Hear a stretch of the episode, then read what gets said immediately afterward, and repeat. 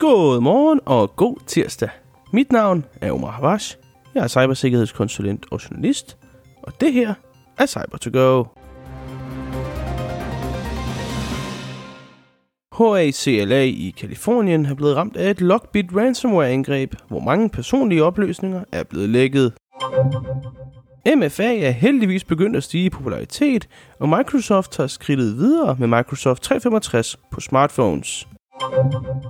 Kali Linux er kommet ud med en helt ny distro til defensivt orienterede professionelle, nemlig Kali Purple. Det er dine tre nyheder for dagen, og efter dem en kort vejrudsigt. Los Angeles Housing Authority, nemlig HACLA, blev ramt af et ransomware-angreb, som Lockbit har taget ansvar for.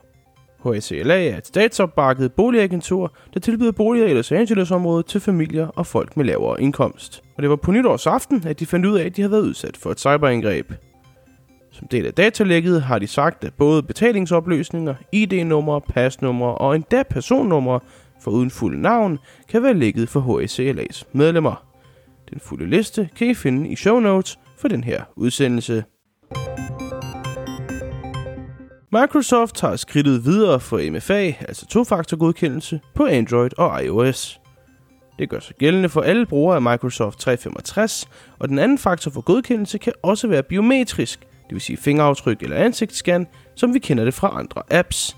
Og som andre apps også tilbyder, kan fallback-muligheden, altså mulighed nummer 2, være en engangskode sendt per mail eller per sms. Microsoft regner med at udrulle opdateringen hen over de kommende uger.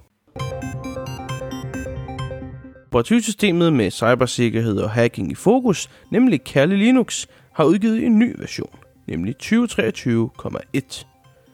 Men da det er operativsystemets 10. jubilæum, fejrer de det altså med en ny distro, nemlig Kali Purple. Den nye distro er rettet mod Blue og Purple Teamers og er et skridt i den mere defensive retning, hvor Kali ellers som regel er kendt for at arbejde med offensiv sikkerhed. Linket til den nye distribution kan I finde i show notes for den her udsendelse. Dagen starter ud med regn fra vest, og i nogle regne noget skyet. Som vi nærmer os frokosttid, vil solen begynde at vise sig fra vest, og regnen vil altså langsomt aftage. Sådan fortsætter det hen mod aftentimerne, hvor regnen så småt igen vil tage til, og vi faktisk i visse egne vil kunne se sne. Temperaturer mellem 3 og 6 grader hen over dagen, og morgenen og sen aften lidt lavere temperaturer, men stadig over frysepunktet. Her hos Level 7 vil vi gerne gøre Danmark mere sikkert dag for dag, og vi vil rigtig gerne give tilbage til samfundet i form af hjælp og viden om cybersikkerhed. Så hvis du er en uddannelsesinstitution eller en mindre virksomhed, er vi bestemt interesseret i et samarbejde. Du kan læse mere om os og kontakte os på www.lvl7.dk.